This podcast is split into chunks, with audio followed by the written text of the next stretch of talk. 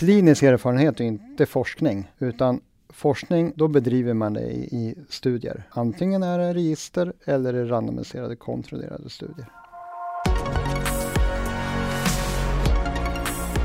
Välkommen till Biogens podd Synapsen och detta program om värdet av real world evidence och randomiserade kontrollerade studier. Jag heter Max Eliasson och arbetar för läkemedelsföretaget Biogen som fokuserar på neurologi. Vår podd Synapsen ska ta upp ämnen som ligger i tiden med hjälp av inbjudna gäster som får utveckla sina tankar inom sitt specialområde. Dagens gäst är en kollega till mig, Anders Berglund. Välkommen Anders! Tack så mycket Max! Du kan väl berätta lite om eh, dig själv och vad du gör? Kul att vara här! Jag jobbar på medicinska avdelningen på Biogen i Sverige och Norden. Och Biogen är ett forskande biotechföretag eh, och det är mycket vad jag håller på med. Jag bedriver ju forskning inom, inom Biogen. Och jag har en bakgrund som statistiker från början. Eh, och sen har jag forskat och doktorerat inom epidemiologi på Karolinska eh, institutet. Och sen har jag bedrivit forskning, akademisk forskning i ungefär 15 år i olika miljöer innan jag kom till, till Biogen. Och Biogen har jag varit, nästa år är det fem år faktiskt. Och jag har fortfarande fokuserat på forskning, men in, inom, inom Biogen. För mig låter det ju som att du är eh, högt kvalificerad för att kunna reda ut begreppen här kring vad real world evidence är och eh, vad, vad randomiserade kontrollerade studier är och värdet av de här. Eh, vilket då är ämnet eh, i dagens program. Vi kan väl börja med att eh, du berättar vad real world evidence faktiskt är.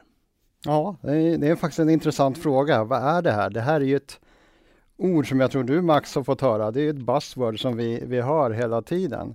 Real world evidence. Och vad är det och vad betyder det? Vad har det för implikationer? Eh, om vi tänker oss att en patient, vilken som helst, kommer in i vården. Den får sin diagnostik, den får sin eh, handläggning, eh, behandling om man tittar på ett utfall. Det är en patient som ingår i en vårdkedja. Säg att vi tar 100 eller 1000 patienter och följer samma resa för de här patienterna. Och så lägger vi ihop all den här informationen i ett register eller i någon databas. Och sen utvärderar vi till exempel ett utfall, ett kliniskt utfall för de här patienterna. Då gör vi någonting, vi observerar patienter hur de fungerar i klinisk praxis. Och det är det som är River evidence. Vi vill utvärdera hur någonting fungerar i klinisk praxis idag. Som du säger Anders så är ju Biogen ett forskande eh, läkemedelsföretag och eh, vi har ju bedrivit och bedriver eh, många randomiserade kontrollerade studier. Säg någonting om det. Ja, och det, och det är jättespännande och det är någonting vi ska göra. Men det randomiserade kliniska prövning eller försöket. Det är ju ett experiment. Då, då lottar man patienter. Antingen får man en intervention eller placebo eller det som är standardbehandling idag. Så att det är hela tiden en lottning, ett experiment. Så det, om man jämför det randomiserade försöket mot real world evidence så randomiseringen så lottar vi personen till att få intervention eller inte medan i real world evidence då följer vi patienterna i klinisk praxis. Hur går det för dem? Och där har vi ju ingen lottning.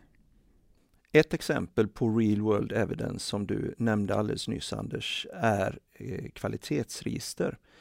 Och Sverige är en av de ledande nationerna i, i världen när det gäller kvalitetsregister. Och eh, jag vet att du har specialintresse av ett specifikt sådant. Eh, utveckla det lite grann. Mm. Ja, det är jättekul och som statistiker och epidemiolog så är det ju ett guldläge att få sitta i Sverige och forska på de här kvalitetsregistren som du nämner. Och Biogen, eh, vi har ju ett intresse inom neurologi och i Sverige har vi ett MS-register där det bedrivs väldigt mycket forskning. Och vad är det här för typ av register då? Jo, det är populationsbaserade register, vilket betyder att alla patienter med en MS-diagnos registreras i det här kvalitetsregistret. Egentligen följer man dem från att de får ett symptom, diagnos och sen handläggning och dess utfall. Och det här är någonting som är väldigt unikt. Tittar man i övriga Norden så har vi också de här populationsbaserade registren, men går vi utanför Norden så finns det inte den här typen av data eh, på samma sätt. Så att det är en sak. Vi har våra populationsbaserade register. En annan sak man kan säga när det gäller Readword Evidence, det är faktiskt det personnummer som vi alla har. Du och jag, vi har ju ett unikt personnummer. Det får vi ju som från födsel. Och där tänker man det ganska naturligt. Men det är också någonting som är unikt i, i Sverige och i Norden. Uh, I övriga länder så har man inte ett unikt nummer på samma sätt. USA har väl Social Security Number. Men det är kopplat till eventuellt sin försäkring och så vidare. Och med hjälp av våra personnummer så kan vi också länka register sinsemellan. Jag nämnde MS-registret och det finns ju, kan jag inte exakt, över 100 kvalitetsregister i Sverige och så finns det register som Socialstyrelsen har som till exempel dödsorsaksregistret, cancerregistret, patientregistret. Eh, så att det vi kan göra är att länka data från MS-registret till till exempel cancerregistret. Och då skulle man kunna titta på till exempel, finns det en ökad risk för maligniteter för patienter som diagnostiseras med MS? Och det här är en rätt unik eh, situation vi befinner oss. Så att det är verkligen kul att få bedriva den här typen av forskning eh, i Sverige. När du säger eh, vi kan länka, eh, innebär det att eh, läkemedelsföretag som Biogen har full access till alla den här typen av data eh, på individnivå? Det är också en jätteviktig fråga. Biogen är ett forskande läkemedelsföretag. Vi har inget intresse av att få och vi ska aldrig ha individdata, utan forskningen ska bedrivas av de som kan och äger den här data. Och i det här fallet är det Karolinska institutet som bedriver den här forskningen. Det vi gör det är att sätta upp ett samarbete med forskare. Vi, vi kan komma med vår, eh, vår kompetens och de besitter sin kompetens. Och det är den typen av forskning eh, som ger bäst utfall också. Nu har du sagt eh, en del här om MS-registret. Eftersom jag jobbar på Biogen så har jag ju en viss eh, kunskap om området och eh, jag vet ju att det finns någonting som kallas för IMSE också. Förklara hur det hänger ihop med MS-registret. IMSE är epidemiologiska studier som utgår från det svenska MS-registret.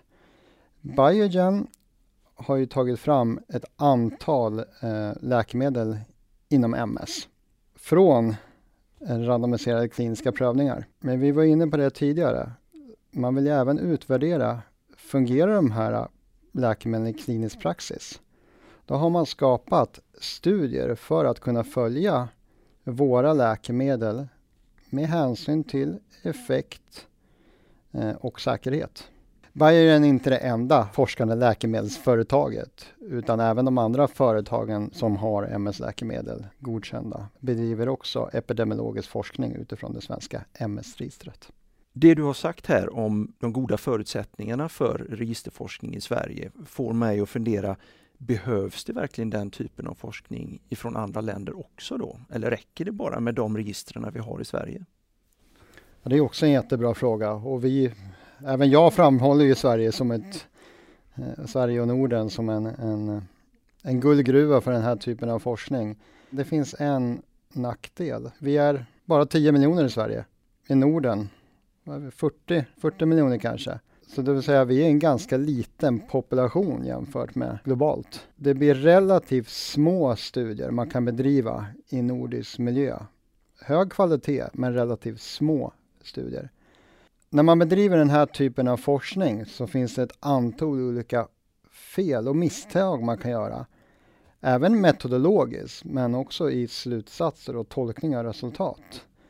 Till exempel så kommer det ut mycket studier där man jämför interventioner till exempel. Om jag vill jämföra behandling A mot behandling B, kan jag då dra slutsatsen att en är bättre eh, än den andra utifrån registerforskning? Ja, det är svårt att säga utifrån bara en studie. Utan då krävs det flera studier för att säga okej, okay, det verkar eller tyder på att här verkar det som att behandling A är bättre än behandling B. Så därav behövs det forskning, inte bara på ett ställe, utan det behöver bedrivas forskning från hela världen. Eh, och i vissa områden så är det ju så att det finns eh, genetiska skillnader som man också måste ta hänsyn till i, i, i forskningen. Så att det är jättebra att vi kan bedriva den här typen av forskning i Sverige och Norden, men den behövs göra globalt.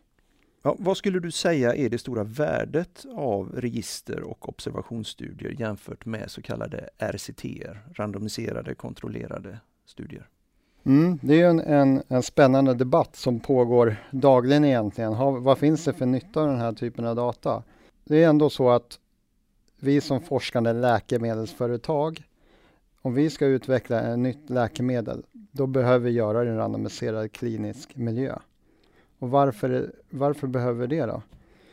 Jo, för att det är svårt att uttala sig med data från klinisk praxis om en behandling faktiskt har effekt eller inte. Utan behöver vi ta fram ett nytt läkemedel, då ska vi göra det i en randomiserad klinisk eh, miljö där vi slumpar patienter till behandling eller inte. Däremot finns det andra typer av forskning vi kan göra utifrån observationsdata och real evidence. Till exempel så de här randomiserade kliniska prövningarna. Ofta är det rätt kort uppföljning. Man har kanske ett, två år. Men hur går det för, för patienter som har stått tio år på ett läkemedel? Ja, då kan man titta i, i registren. Både på utifrån effekt eh, och säkerhet. Det kanske finns patienter som man inte inkluderar i randomiserade prövningar. Det kan vara barn, patienter som har samsjuklighet. De brukar ofta exkluderas. Men i klinisk praxis, då kanske man även behandlar de här patienterna och då kan man också utvärdera, fungerar den här interventionen på den här patientgruppen? En annan del är ju eh, prognostiska faktorer. Jag tror ingen av oss skulle bli, vilja bli randomiserad till eh, rökare, icke-rökare och studera risken för lungcancer idag. Det vore oetiskt att göra idag.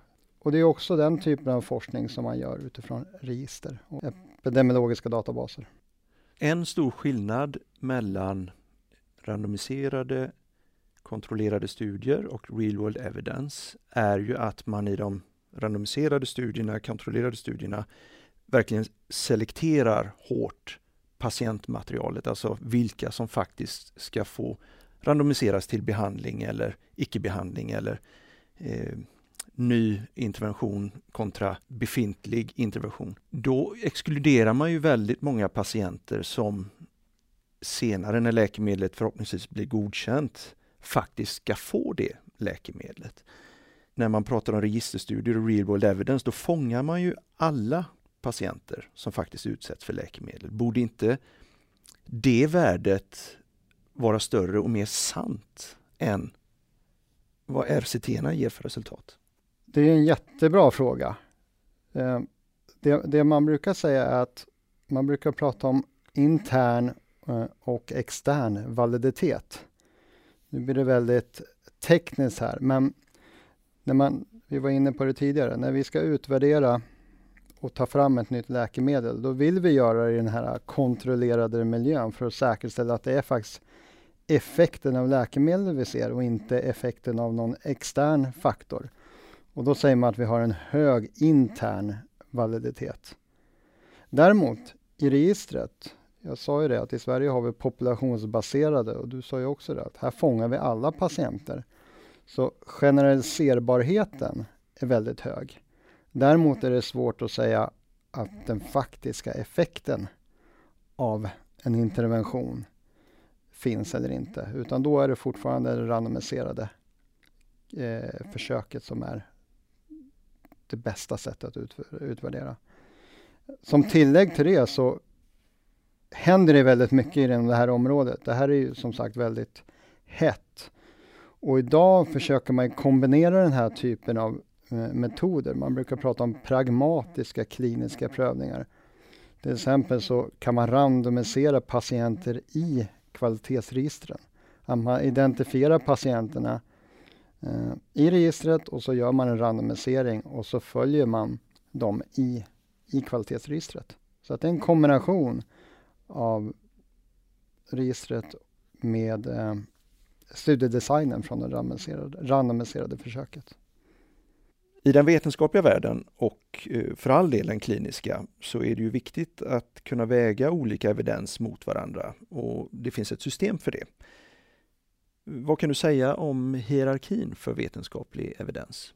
Det finns en, en evidenspyramid man brukar prata om. Eh, och på toppen av den här pyramiden då brukar man säga att metaanalyser av randomiserade prövningar, det är det som håller högst medicinsk evidens. Och vad är då metaanalys? Jo, det har man gjort flera randomiserade prövningar och sen utvärderat resultatet från dem tillsammans. Biogen, eh, forskande läkemedelsföretag. Eh, om vi tar fram ett läkemedel så gör vi inte bara en studie utan ofta är det två eller tre och vi gör i olika faser också. Eh, och då gör man en sammanvägning av resultaten från de här studien. Så det är det som håller högst evidens. Går man ett steg neråt på den här pyramiden så brukar man säga sen kommer de enskilda randomiserade försöken. Det som jag var inne på tidigare med eh, om vi vill utvärdera effekten av ett läkemedel utan att ha andra faktorer som stör, ja men då är det i den randomiserade kontrollerade miljön som det är bäst att göra det i. Efter det skulle jag säga att observationsdata och readword evidence kommer. Och det var också någonting vi pratade om. Vi bedriver forskning i Sverige, men forskning bedrivs i många andra länder också.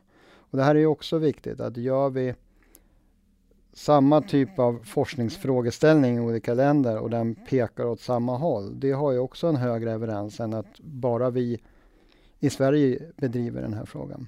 Och det finns en rad olika andra typer av studiedesigner inom medicin pratar om kohortstudier, fallkontrollstudier eh, som håller något lägre evidens. Tvärsnitt, tvärsnittsdata, typiskt exempel på det är enkät, enkätstudier.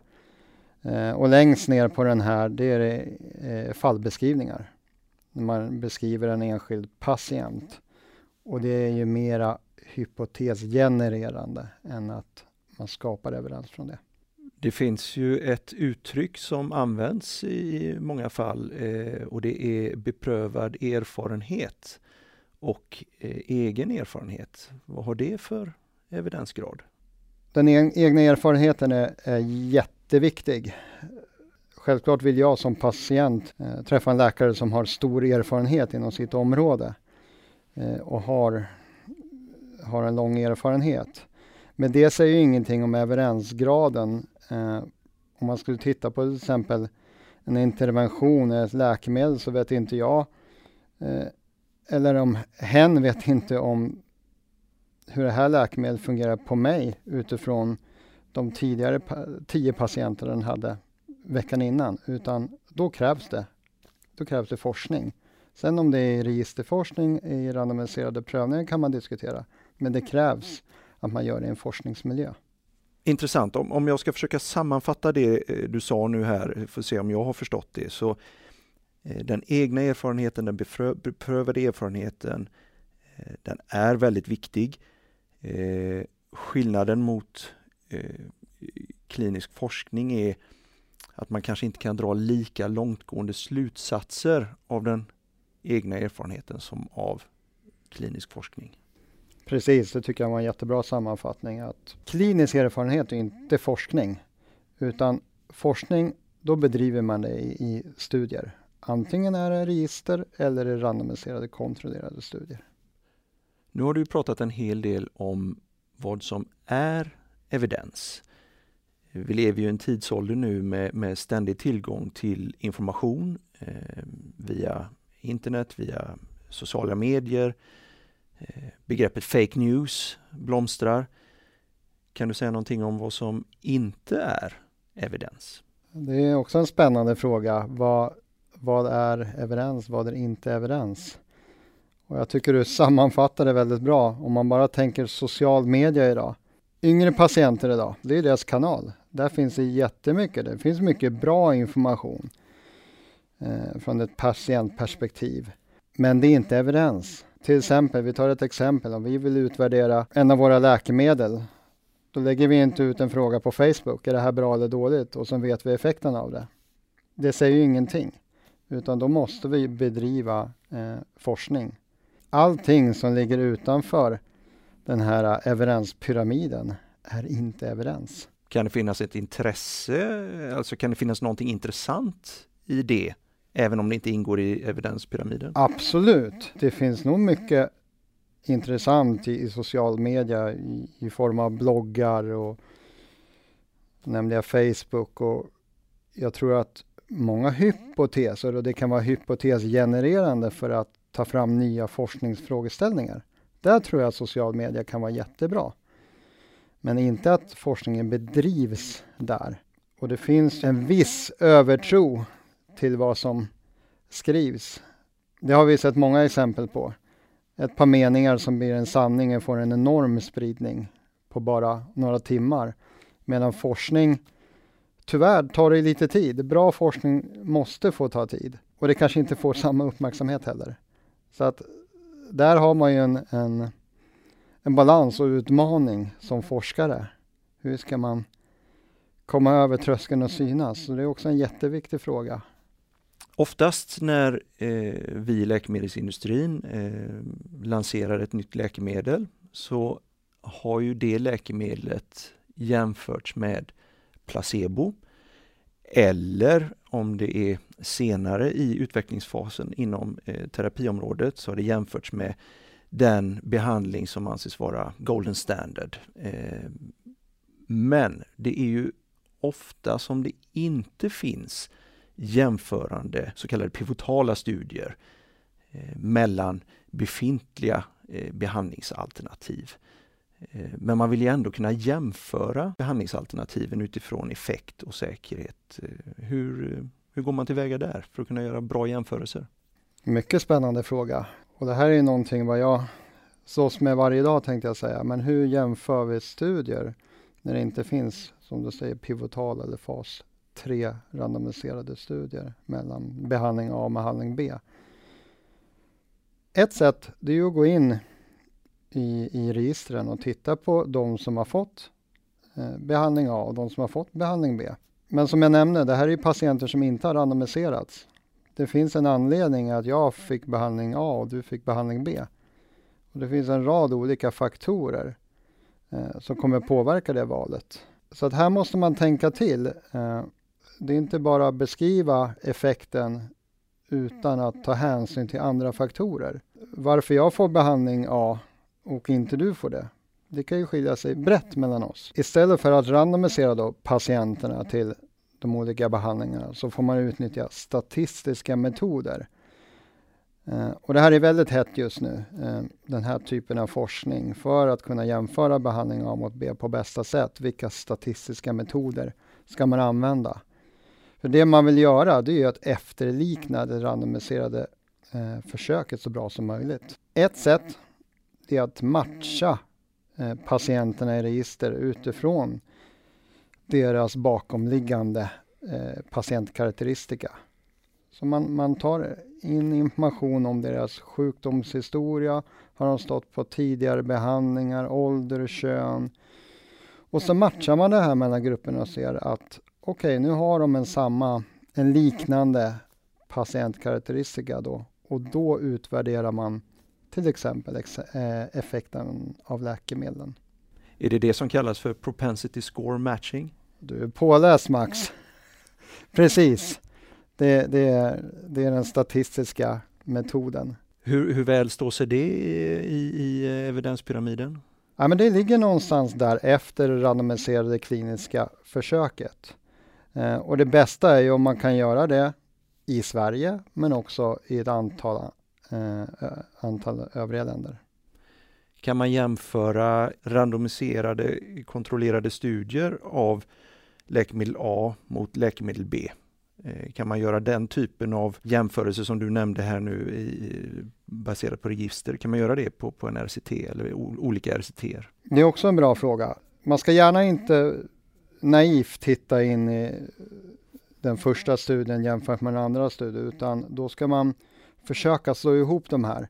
Eh, och det är inte alltid lätt. Det är inte så att Biogen har tillgång till konkurrerande läkemedelsdata på individnivå.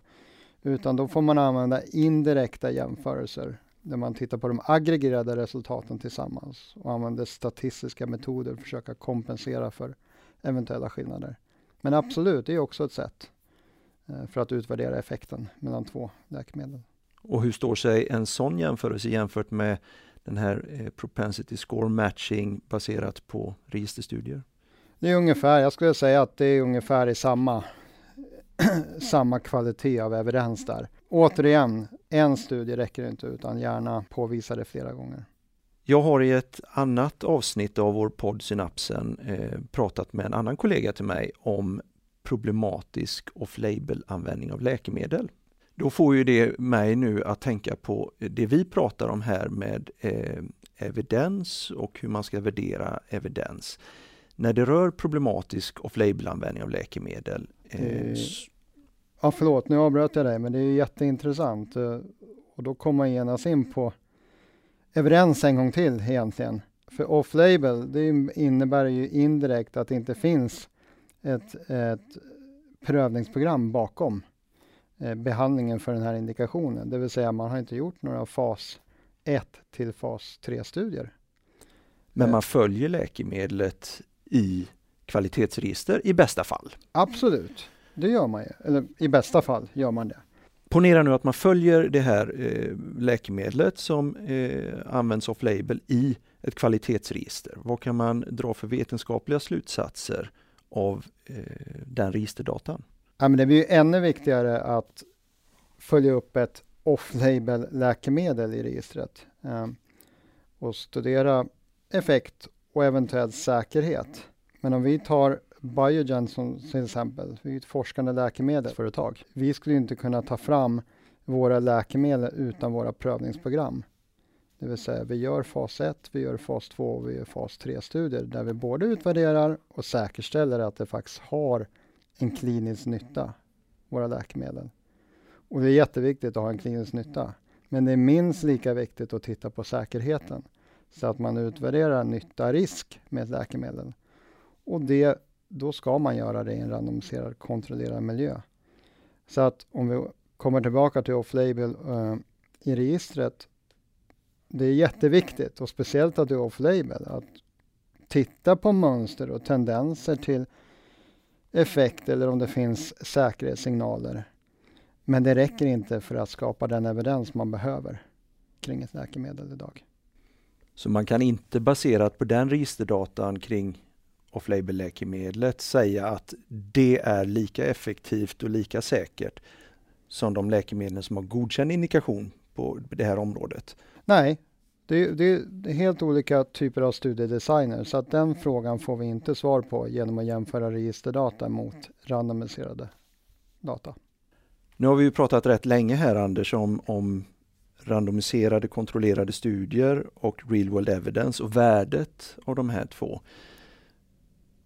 Men den korta sammanfattning jag vill göra på detta är att det är ett väldigt högt värde, det är väldigt värdefullt eh, med både eh, de här typerna av eh, evidens men framförallt att det kompletterar varandra. Precis, en jättebra sammanfattning Max. Det har varit intressant och lärorikt och också roligt att få prata med dig Anders om det här idag. Så tack för att du har varit med i det här programmet.